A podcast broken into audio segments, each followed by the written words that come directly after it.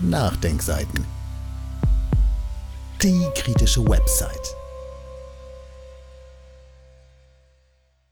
Linke Sammlungsbewegung. Eine Schnapsidee oder die richtige Konsequenz aus der erkennbaren Ausweglosigkeit? Von Albrecht Müller. Sarah Wagenknecht hat jetzt in einem Spiegel-Interview, wie vorher Oskar Lafontaine, vorgeschlagen, es möge sich eine linke Sammlungsbewegung zusammentun. Die Nachdenkseiten haben dafür schon immer eine große Sympathie. Steht das Projekt im Widerspruch zum Anspruch der Parteien auf der linken Seite des Parteienspektrums Mehrheiten für sich zu gewinnen? Die Mehrheiten hätte es in den vergangenen zwölf Jahren mehrmals gegeben, sie fanden nicht zusammen. Dass man in dieser Situation auf die Idee kommt, es möge doch bei uns so etwas Ähnliches möglich sein wie mit Corbyn in Großbritannien oder wie in Frankreich wenigstens ansatzweise mit Jean-Luc Mélenchon, ist nicht verwunderlich. Die bisherigen Möglichkeiten für eine Mehrheit auf der linken Seite. Hier sind die Ergebnisse für die einschlägigen Parteien. Auf unserer Website www.nachdenkseiten.de finden Sie eingebunden in den Artikel eine Grafik, die die Zahlen 2005, 2009, 2013 und 2017 darstellt. Die Addition der Zweitstimmenergebnisse von SPD, Grünen und Linken zeigt, 2005 hätte es mit 51 Prozent locker gereicht. 2009 war mit 45,6 Prozent die Mehrheit nicht mehr gegeben. CDU, CSU plus FDP hatten 48,4 Prozent. 2013 hatte die mögliche linke Koalition mit 42,7 Prozent eine kleine Mehrheit gegenüber der CDU-CSU mit 41,5 Prozent.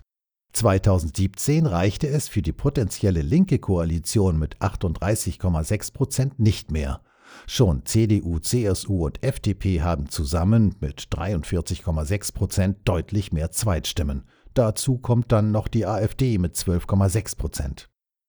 Man sieht an diesen Zahlen und der Tatsache der Nichtwahrnehmung einer Koalitionschance auf der linken Seite sowohl im Jahr 2005 als auch im Jahre 2013, dass das weiter so eines Versuchs, linke Mehrheiten zu bilden, ausgesprochen fragwürdig ist. Die Vertreter dieser Linie, die sich jetzt zu Wagenknechts Vorschlag einer Sammlungsbewegung geäußert haben, nämlich Kipping und Rixinger, siehe dazu zwei Verlinkungen auf unserer Website, sollten sich diese Zahlen und auch die Nichtnutzung der Möglichkeiten anschauen.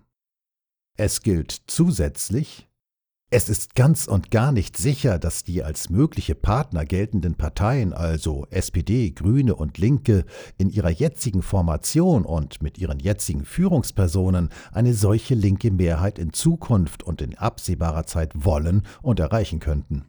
Das jetzige Führungspersonal der Grünen mit seiner deutlich sichtbaren Neigung zu Schwarz-Grün und das Führungspersonal der SPD, das das Gespenst von den roten Socken genauso verinnerlicht hat wie die Schwarzen, wird vermutlich auch künftig Chancen, wie sie im Jahre 2005 und 2013 gegeben waren, nicht nutzen.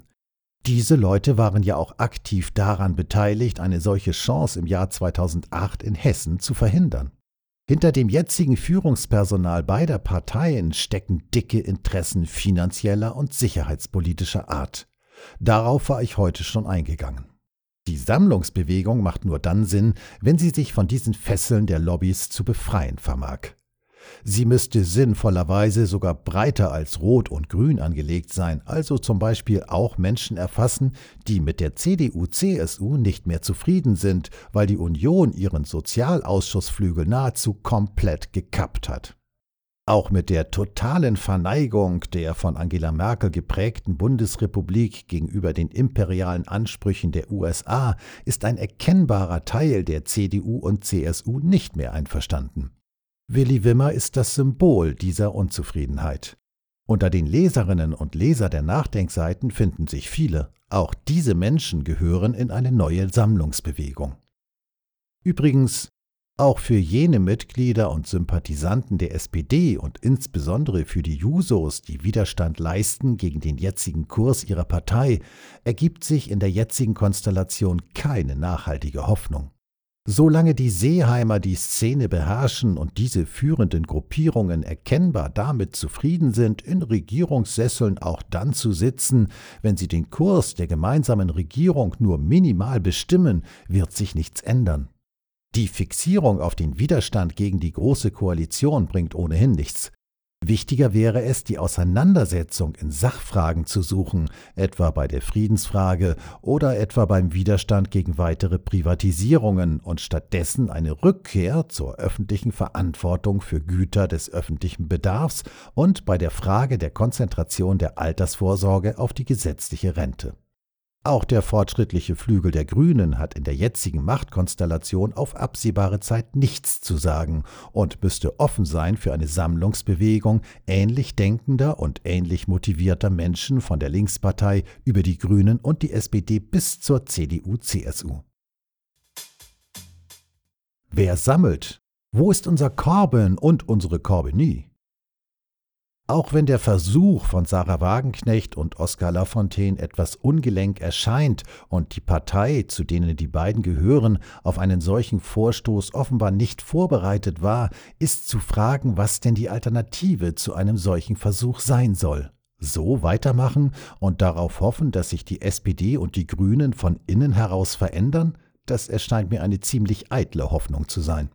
Sarah Wagenknecht könnte eine solche Bewegung anführen. Dass sie das nicht will, könnte man verstehen.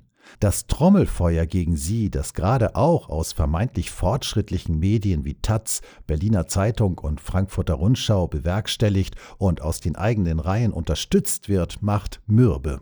Verständlich ist das. Also müsste man parallel dazu auf die Suche nach Corbyn oder Corbinin gehen. PS nach Redaktionsschluss ist eine Erklärung des Instituts Solidarische Moderne auf den Tisch gekommen, siehe unten. Zum Teil bin ich in der Sache ohne Kenntnis der Erklärung im obigen Text schon darauf eingegangen. Der Text selbst muss ein Anlass dafür sein, sich mit diesem sogenannten Institut einmal ausführlich zu beschäftigen. Erklärung des ISM vom 15. Januar 2018 das Institut Solidarische Moderne, das haben wir in vielen Positionspapieren in den letzten Jahren hervorgehoben, teilt die aktuell in der Öffentlichkeit diskutierte Auffassung, dass es ein politisches Milieu gibt, welches in der Schnittmenge von rot-grün-roten Milieus verortet ist und dennoch oder gerade deswegen von keiner der drei Parteien repräsentiert wird. Mit Erstaunen haben wir allerdings den Vorschlag für eine neue linke Sammlungsbewegung, bestehend aus unzufriedenen Mitgliedern der drei linken Parteien, zur Kenntnis genommen, den Oskar Lafontaine und Sarah Wagenknecht unterbreitet haben.